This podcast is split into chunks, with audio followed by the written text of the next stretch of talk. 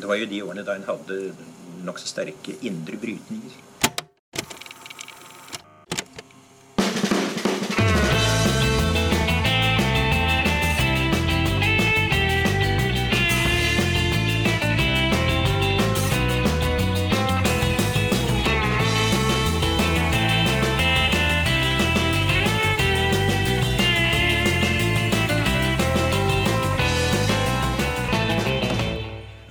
Velkommen til Noen har snakket sammen. Mitt navn er Aksel Fjellavli.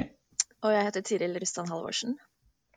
I dag så skal vi eh, snakke om eh, et begrep og en bok. Eh, Vi skal snakke om ordet getto og ei bok som nettopp har kommet på forlaget Respublika, som også heter Getto. Og dette begrepet har jo vært brukt både i den norske samfunnsdebatten og i samfunnsdebatten i andre land. Det har vært knytta til begrep som svenske tilstander. Eh, I Danmark så har jo det også gått en egen sånn gettodebatt. Og vi skal grave litt i dette eh, begrepet og relevansen for en norsk kontekst, sammen med forfatteren av denne boka, eh, Øyvind Holen. Så Øyvind, velkommen til podkasten. Ja, takk for det. Kan ikke vi bare starte der? Eh, ordet getto, hva, hva, betyr det? Hva er, den? hva er en getto for noe? Det brukes jo i mange sammenhenger alt, om alt mulig rart, men det kan jo også være et adjektiv å være getto. Så det er, jo, det er, jo, et ganske rikt ord som folk kan legge sin egen betydning i. Ja, men jeg, jeg, ser på det som en, en bydel eller et boligområde der en minoritet dominerer, som ellers eh, Altså en minoritet som er i majoritet i dette området, og der denne minoriteten da lever isolert og under dårlige kår i områder preget av høy kriminalitet og høyt fravær av offentlige myndigheter. Historisk sett så, så er det jo to, to gettoer. Det er den jødiske gettoen, som går helt tilbake til 1500-tallet i, i Europa. Og så er det den afrikanske-amerikanske debatten som, var, eh, som oppsto som følge av uh, opphevingen av slaveriet og borgerrettsbevegelsen og, og, liksom den uh, svarte diasporaen fra sørstatene og nordover og vestover til, til storbyene. Men, men, først og fremst så er liksom da getto et sted hvor, hvor en minoritet er i flertall, og hvor det også er en del av tvang, da, at, man, at, at er, de må bo der. Eh, det, det, er lov, det, er regulert av lover og regler. Eh, og det er ikke nødvendigvis frivillighet. I, I, forskningen så snakker man jo om et annet begrep som heter enklaver. Og da, da snakker vi mer om frivillighet, f.eks. hvis det bor eh, mange pakistanere i et boligstrøk Furuset, eller hvis det bor mange akademikere på Ullevål Hageby, så er det en frivillig getto. Men da er vel det enklave som er det riktige ordet der, da. Men, men, kan jeg spørre Altså, uh, dette begrepet du, du, sier det er nærmest et adjektiv. og, og kan... Ja, det kan, det kan, være et adjektiv. Uh, spesielt i USA så, så, snakker man om å være getto. Hvis man har brus i tåteflaska til barnet og sånt, så, så, er man liksom getto. Eller man snakker om getto famous og getto rich og sånn. Og man snakker litt sånn å være getto i, i, Oslo også, liksom. Da, da, da, spiller man basket og spiser kebab, liksom. Så, men, men det er jo et, eh, et begrep som, som, kan være positivt hvis, hvis, det brukes av eh, den det gjelder, og så negativt hvis det brukes om, om andre. Da. Så det, av, avsenderen er avhengig. Tenk du, eh, hva tenker du om disse hva jeg skal si, Når, når dette begrepet blir brukt negativt, så er det vel kanskje ikke eh, så ofte å si at dette er en getto, men å snakke om f.eks. bydeler i Eh, skandinaviske byer som nærmest en getto. Altså det har jo vært debatter rundt f.eks. Eh, Rinkeby i, eh, i Sverige. Det, altså, dette har vel også vært oppe i den norske debatten om deler av, av Oslo f.eks. Eh, hva, hva tenker du om det, kontra de, eh, den begrepsfestinga du bruker? Nei, altså Den, den lie europeiske bruken av getto, eh, den, den, det er litt Det er som med pizza og kaffebarer og, og slikt. Det, det kom, oppstår i Europa, så, så, drar de til USA og forandrer seg litt, og så kommer de tilbake i en litt annen form. Eh, jeg skrev en bok om Groruddalen i 2005 som het Groruddalen en reisekildring. og Samme høst som den kom, så var det opptøyer i, i forstedene utenfor Paris. Eh, og Da begynte man umiddelbart å snakke om frykten for franske tilstander i, i Groruddalen fordi fordi det var eh, mange innvandrerungdom i, i eh, de franske forstedene og mange innvandrerungdom i eh, Oslos drabantbyer. Men, men der, det stoppet liksom der, da. Eh, så den, den bruken av getto, franske tilstander, svenske tilstander i Norge, den handler stort sett bare om boligstrøk hvor det er eh, et, et, flertall av innvandrere. Man snakker ikke heller om ikke-vestlige innvandrere som om de var én minoritet som, som, dominerer. Og så har man ikke sett så veldig nøye på andre krav om liksom, eh, utdannelse, kriminalitet, eh, fravær av offentlige myndigheter eh, og, og og, og slikt. Eh, så, så, og, og, så når jeg begynte å forske litt mer på boka, så har jeg jo sett at sånn har det vært hele tiden. Helt fra 1975 så har man snakket om, om gettostrøk eh, utelukkende som eh, hvor nesten det eneste kriteriet har vært at det bor mange innvandrere der. Mens, eh, mens man da i Sverige og Danmark har andre, andre innfallsvinkler. Danskene har jo gått lengst. Da. De, har jo, de har jo laget en offisiell gettodefinisjon som, som har både sine problematiske og også sine den var jo godt ment, men man, man, det var jo en, et forsøk på å ta det litt videre enn bare etnisitetsdebatten. Ja, for her har man jo definert eh, områder i eh, danske byer som getto, bl.a. på, på grunn av eh, Eller hva skal jeg si, der en del av definisjonen er andelen eh, innvandrere. Ja, altså det, er, det er flere definisjoner. Det er eh, et boligstrøk. Det må bo minst 1000 personer i området. Eh, ikke-vestlige innvandrere eller deres etterkommere utgjør over 50 Så skal det være minst 40% av de mellom 18 og 64 må stå utenfor arbeidsmarkedet eller utdanningssystemet. Eh, andelen beboere dømt for straffeloven, våpenloven eller narkotikaloven skal være tre ganger høyere enn landsgjennomsnittet. Mer enn 60% av beboerne mellom 30 og 59 har grunnskole, og, og så er det også krav om at bruttoinntekten for skattepliktige skal være mindre enn 55% av snittet for samme gruppe i regionen. Så det er ganske, ganske intrikate modeller som, som, det må gå ned og brekkes ned tall. da. Mm. Eh, når jeg skrev, begynt, fikk ideen til boka, når den liksom eh, spikra seg, så var det jo en, en, en, sak i VG hvor det sto 'bydelen de frykter aller mest'. Eh, på forsida av VG. Og det var Fremskrittspartiet og Høyres regjering som fryktet da økt arbeidsledighet og antall innvandrere og fattige i, i, på Fjell i Drammen, Groruddalen, Oslo sør og indre øst, og så flere steder i Bergen, Stavanger og, og Trondheim. De, de nevnte gettoområdet, men det var liksom da, de snakket også da mest kanskje om da nyordet utsatte områder. Samtidig så heiv jo Sylvi Lysthaug seg på debatten og, og, dro på studietur til Danmark og kom hjem med liksom den danske gettodefinisjonen. Men det eneste det var snakk om da, var denne kravet på at ikke-vestlige innvandrere utgjør over 50% Og da kunne man peke på gettoområder i Oslo. Det var steder hvor det bodde over 50 ikke-vestlige innvandrere. Så det stoppet liksom der. Men Blir det da på en måte en forskjell i begrunnelse og på en måte formål med get, å bruke gettobegrepet i den danske eh, gettoloven og det Sylvi Listhaug snakker om som getto, når hun på en måte tar bort Eh, mange andre deler av det danskene brukte som definisjon? Det, eller hva ønsker de å oppnå når de bruker ordet getto? Nei, Det var jo ingen tvil om det. Det, det var vel tydelig fra første stund at det, dette var jo ikke en Dette ble ikke en debatt om utsatte områder, fattigdom og arbeidsledighet i bydeler i storbyene. Det ble en debatt om innvandring, det ble en debatt om, og det ble en debatt om islam, som det alltid blir. Så det var liksom det man nok en gang var interessert i å diskutere, og ikke, ikke noen andre faktorer. Mm. Jeg husker jeg leste f.eks. skyskraperengler og sånn når jeg var yngre. og man har jo, Det finnes også et veldig sånn mer sånn romantisk bilde av drabantbyene eh, i, i, Oslo, og hvor noen av de i dag på en måte omtales litt som gettoer.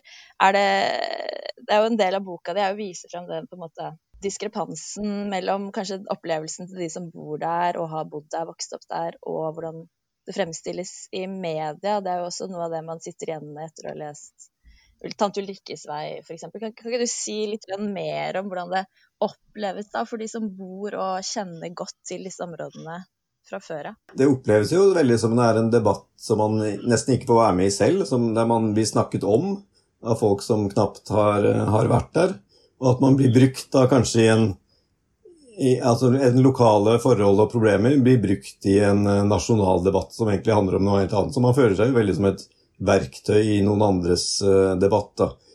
Det var jo noe slik at når min generasjon vokste opp, jeg er født i 1973, så ble vi jo liksom Det var jo slagsmål og hærverk på T-banen, og vi ble banket opp og knivstukket, og, full, og, det var hærverk og kasta stein på politiet og sånn. Det skjedde jo det også, men det var ikke det var ikke riksnyheter. Det kom ikke liksom på avisen og på, på Dagsrevyen. Det, det, gjør det i dag, da, for det er liksom eh, situasjonen i drabantbyene er plutselig på en eller annen vis blitt en del av en nasjonal debatt som egentlig handler om noe, noe helt annet.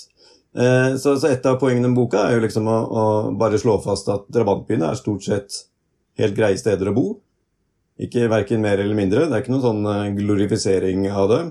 Og så er det også et, et, et, poeng at mange av problemene som er i dag, var i høyeste grad til stede tidligere, og det negative synet på drabantbyen har preget så å si hele den norske, moderne norske drabantbyhistorien. Det er viktig å huske at for da Nå, nå har det liksom samlet, eh, begynt å senke seg en sånn nostalgiens slør om hvor fint det var i drabantbyene før innvandrerne kom og ødela alt, men det er jo bare sludder.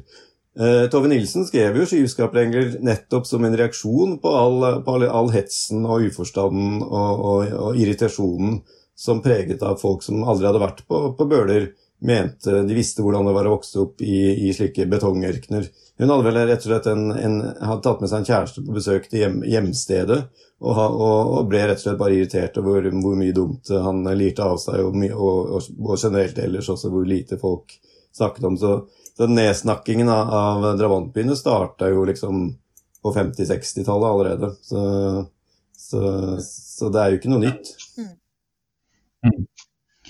Men en, en, si at, en, litterær referanse, eller hva jeg skal kalle det, som slår meg, er jo den såkalte Stovner-rapporten som kom eh, jo da i den tidsperioden som, som du snakka om, eh, før det, dette var et område som var prega av Uh, mange med minoritetsbakgrunn. Uh, og den var jo også mye uh, omdiskutert og skapte eh, liksom eh, debatt om eh, vilkårene for de som bodde på Stovner. Men det som slår meg kanskje er at konteksten var en hva jeg skal si, Det var et, et uh, håpefullt bilde som kanskje brast litt. Det er mulig jeg tar, tar, feil, jeg levde jo ikke da. Men hvis man eh, ser på eh, sånn som svenske millionprogrammet, så, som jo var en, et program som handler om å bygge ut en masse, masse boliger i Sverige, så var jo det på en måte et, et progressivt prosjekt for å skape muligheter for folk.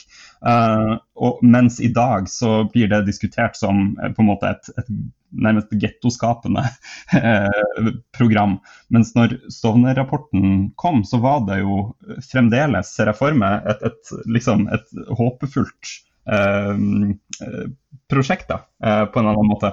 Hva, hva tenker du om kontrasten der, om de, liksom, den negative debatten da kontra nå? Mm, det var jo, altså Stovner-rapporten kom i 1975, og, og, og, det var en forgjenger som het Ammerud-rapporten, som kom i 1969. hvor egentlig Det, det var liksom starten på dreininga da mot kanskje sånn grovt sett altså at Man dreide seg litt mot sånn framtidsoptimisme til mer samtidspessimisme i, i skildringen av Drabantby. Da. Men allerede på 50-tallet så hadde man jo fryktet eh, det man kalte da svenske tilstander. Eh, som, som, rett og slett var, var, noe man så skjedde i Sverige når man nettopp bygde disse store, store nye byene. At, at, dette bare ville bli sovebyer, sted hvor folk bare bodde, ikke levde mellom blokkene og, og, og jobbet et annet sted. Og det var jo en helt reell kritikk, eh, og som stemte ganske bra. Og, og man, det, er jo, det, er jo, viktig å huske på at utbyggingen av Drabantbyen og Groruddalen her var jo et, et, hastetiltak for å få bukt med en ganske kraftig eh, boligkrise. Eh, så, så, det gikk jo fort, og man måtte kutte svinger og, og idealene f.eks. i hva, hva, Romsås skulle bli og hva det ble. Det var ganske stor avstand mellom, mellom visjoner og, og virkelighet.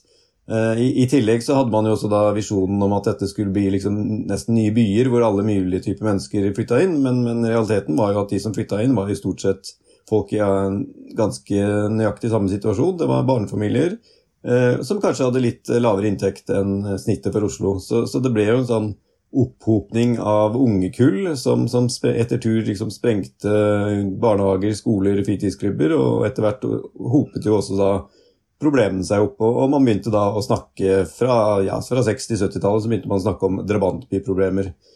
Så, så, parallellene til i dag er jo ganske slående, egentlig, da, men bare at da den gang så var det jo liksom da menneskefiendtlig arkitektur og, og, fraværende foreldre som, som, fikk skylden, mens det i dag mer kanskje er, er beboernes kultur og, og, fraværende foreldre. Det er, det er jo en stayer eh, som, som, fikk skylden. Så, så, på et vis så kan man si at liksom arkitekturen og sovebyen da, i drabantbyen er, er, er blitt renvasket, og nå er det mer beboerne som er eh, problemet som skaper problemene. Hvis du skal se litt grovt på hvordan kritikken har endra seg fra, fra 1900-tallet til 2000-tallet. Det, var et, det var et brudd, ganske tydelig brudd sånn tidlig på 2000-tallet.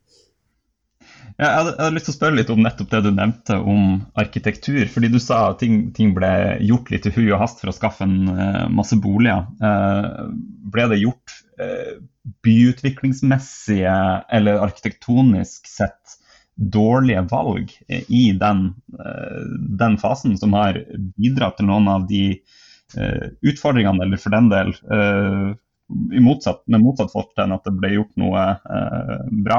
Det det, det er vel, veldig lett i ettertid å sitte og peke på hva som burde vært gjort, gjort annerledes, men det er jo så klart mange ting.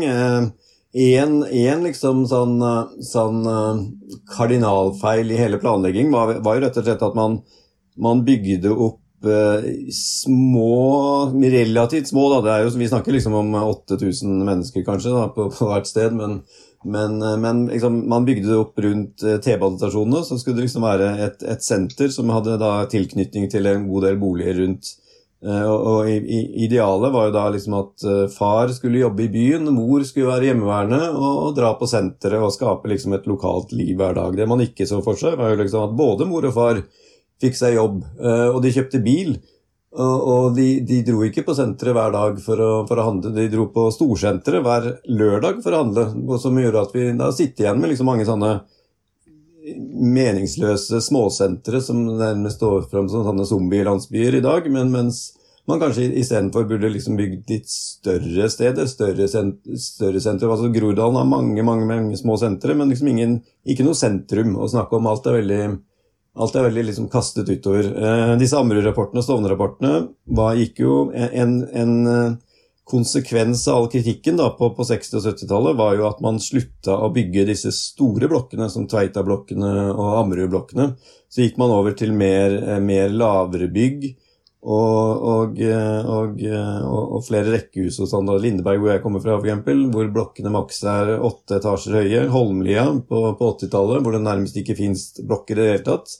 På den annen side så, så, var jo en av grunnene til at Ammerud-blokkene var så høye, var jo at man hadde jo rammer for utbyggingen. så så En av grunnene til at de var høye, var at å, da kunne de også lage disse atriumshusene, som nå er jo en sånn eh, middelklasseenklave på Ammerud, og som bidrar til litt sånn eh, mer variert bo, boligmønster på, i byen, hvor du både har rekkehus og høyblokker, mens f.eks. Romsås kun har eh, lavblokker og, og, og, kanskje blir litt ensidig da, sånn med boligmønsteret. Så det, dette, er jo, dette er jo ikke mitt fag med, med boligbyutvikling, men uh, det er jo interessant å se på, på alle valgene, men, men, det var jo liksom Det er jo, det har jo aldri i Norge, Norges historie vært bygd så mye og så fort og vært en så stor uh, flom av innvandrere som det var i, Groruddalen på 60- og 70-tallet. Det, det, det, snudde jo opp ned på hele, en hel uh, landsdel. Det var jo ikke engang en del av Oslo før, før, uh, før krigen. Mm.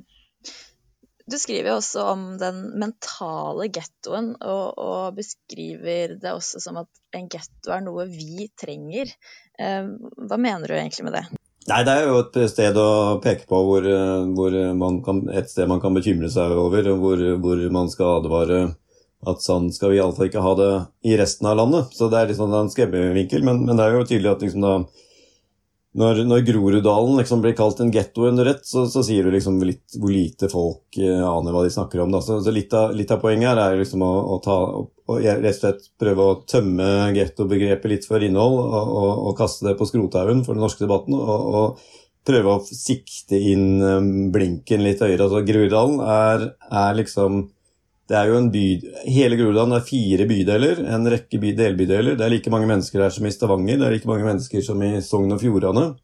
Eh, Sogn og Fjordane har fire stortingsrepresentanter. Groruddalen har ingen direkte representasjon på Stortinget. De, de, har jo så klart noen representanter som er fra Groruddalen, men, men, men, stort sett en, en veldig sånn perifer del av Oslo. da. Det, vi snakker mye om sentrum-periferi i Norge, men det handler liksom om byen versus landet. Men sentrum-periferi-debatten innad i byene er kanskje på tide at det kommer litt mer på, på, på teppet. Det er rett og slett et demokratisk underskudd i, i, i drabantbyene. Og, og, det er jo enorme forskjeller. Da. Altså, Groruddalen, det er, det er liksom det er Hellerud, der hvor Statoil-sjef Eivind Reiten har bodd. Det er Høybråten, der hvor NRK-sjefen kommer fra. Det er, det er svære villastrøk og golfbaner. Så man må liksom være litt mer presis når man snakker om ting. Eh, artig nok så har jo da, etter at jeg skrev boka her, så kom det en NOU-rapport som gikk litt eh, under radaren. Den kom rett før jul. Og de hadde jo rett og slett gått inn på de, de, eh, de danske gettokriteriene og sammenlignet det med Norge, og se om det var Altså, Se om det var rett og slett noe som ligna på en dansk getto i Norge. Svar, det korte svaret er nei, det var det overhodet ikke. Det var ingen bydeler som, som uh, matchet så alle kriteriene, ikke i nærheten engang. Det var 10, nei, 13 bydel, delbydeler i Oslo hvor det er over 50 eh, innvandrerbakgrunn. 13 bydeler. Eh, det er ti bydeler eller boligstrøk i hele Norge hvor, hvor inntektskriteriet er nådd. Eh, og når det gjelder så det er altså ti bydeler eller delbydeler hvor, hvor inntekten er etter dansk gettostandard. Det er eh, ti by, delbydeler i Oslo med innvandrere. Men hvor mye overlapp er det mellom disse her, tror dere? Ikke så veldig på måten du stiller spørsmålet. Nei, eh, altså det er, det er eh, to delbydeler i Oslo, og det er vel i Stovner bydel, som har eh, høy innvandrerandel og, og, matcher de danske gettokriteriene på, på inntekt. Så altså to delbydeler i hele Groruddalen. Og da snakker vi om to delbydeler i Stovner bydel. Så det er liksom det. Så jeg, jeg er nesten mer bekymra for at Oslo nå er blitt så, så, dyrt å bo i at vi rett og slett ikke har råd til. Det, altså, det, er, ikke, det, det er, ikke, mulig å etablere en getto i Norge. for er, ikke, En sykepleier har ikke råd til å kjøpe en leilighet i Ammerudblokkene. Så hvis vi skal bekymre oss for, i krystallkula for hvor det eventuelt kan oppstå gettoer og fattigstrøk, så tror jeg vi rett og slett må titte utafor bygrensa. Mm. Mm. mm. Ja, nå gjør jo Senterpartiet det stadig bedre i Oslo, så får vi se om det blir noe mer periferifokus. Men Ja, det er den samme, men det er den samme retorikken, at man peker på Oslo som et problemområde drevet av hvor det er masse kriminalitet og innvandrere. Så, så det er jo ikke Det er jo en, en det er liksom en fryktdrevet valgkamp man driver når man snakker om, om gettoer og ungdomskriminalitet, egentlig. Kriminaliteten er jo ikke så veldig stor. Det er jo betegnende at NRK lagde en sak om eh, narkotika og ungdomskriminalitet på Oslo øst og sør. Så endte de opp med å, å presentere at uh, politiet mente at det fantes 100 gjenger i Oslo. Uh, det de ikke, lille nyansen de ikke fikk med seg, reporteren, var jo at var, politiet snakker ikke om 100 gjenger, de snakker om 100 gjengmedlemmer. Men, men det ble altså presentert uten å blunke. Da. Så det sier litt om forholdet mellom virkelighet og rykter. Da. Mm.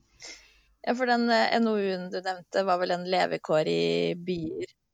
Eh, som jo peker på helt reelle problemer da, i Oslo, og at de største levekårsutfordringene faktisk er i byene.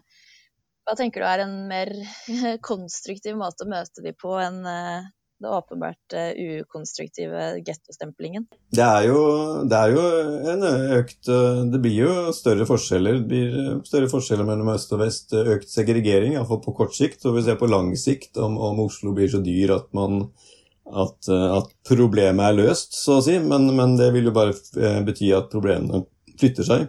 Jeg tror det er viktig å, å rett og slett se på at, at, det rett og slett er mulig for folk uten, uten stor inntekt å, å, få seg et sted å bo. Eh, også gjerne i byene. Eh, jeg tror det er viktig at de ikke bor på samme, samme sted. De det, altså en, det, det, kan, det, kan, rett og slett bli for dyrt for mange å bosette seg innenfor bygrensen i, i Norge, ikke bare i Oslo. og Det, kan bli et stort problem.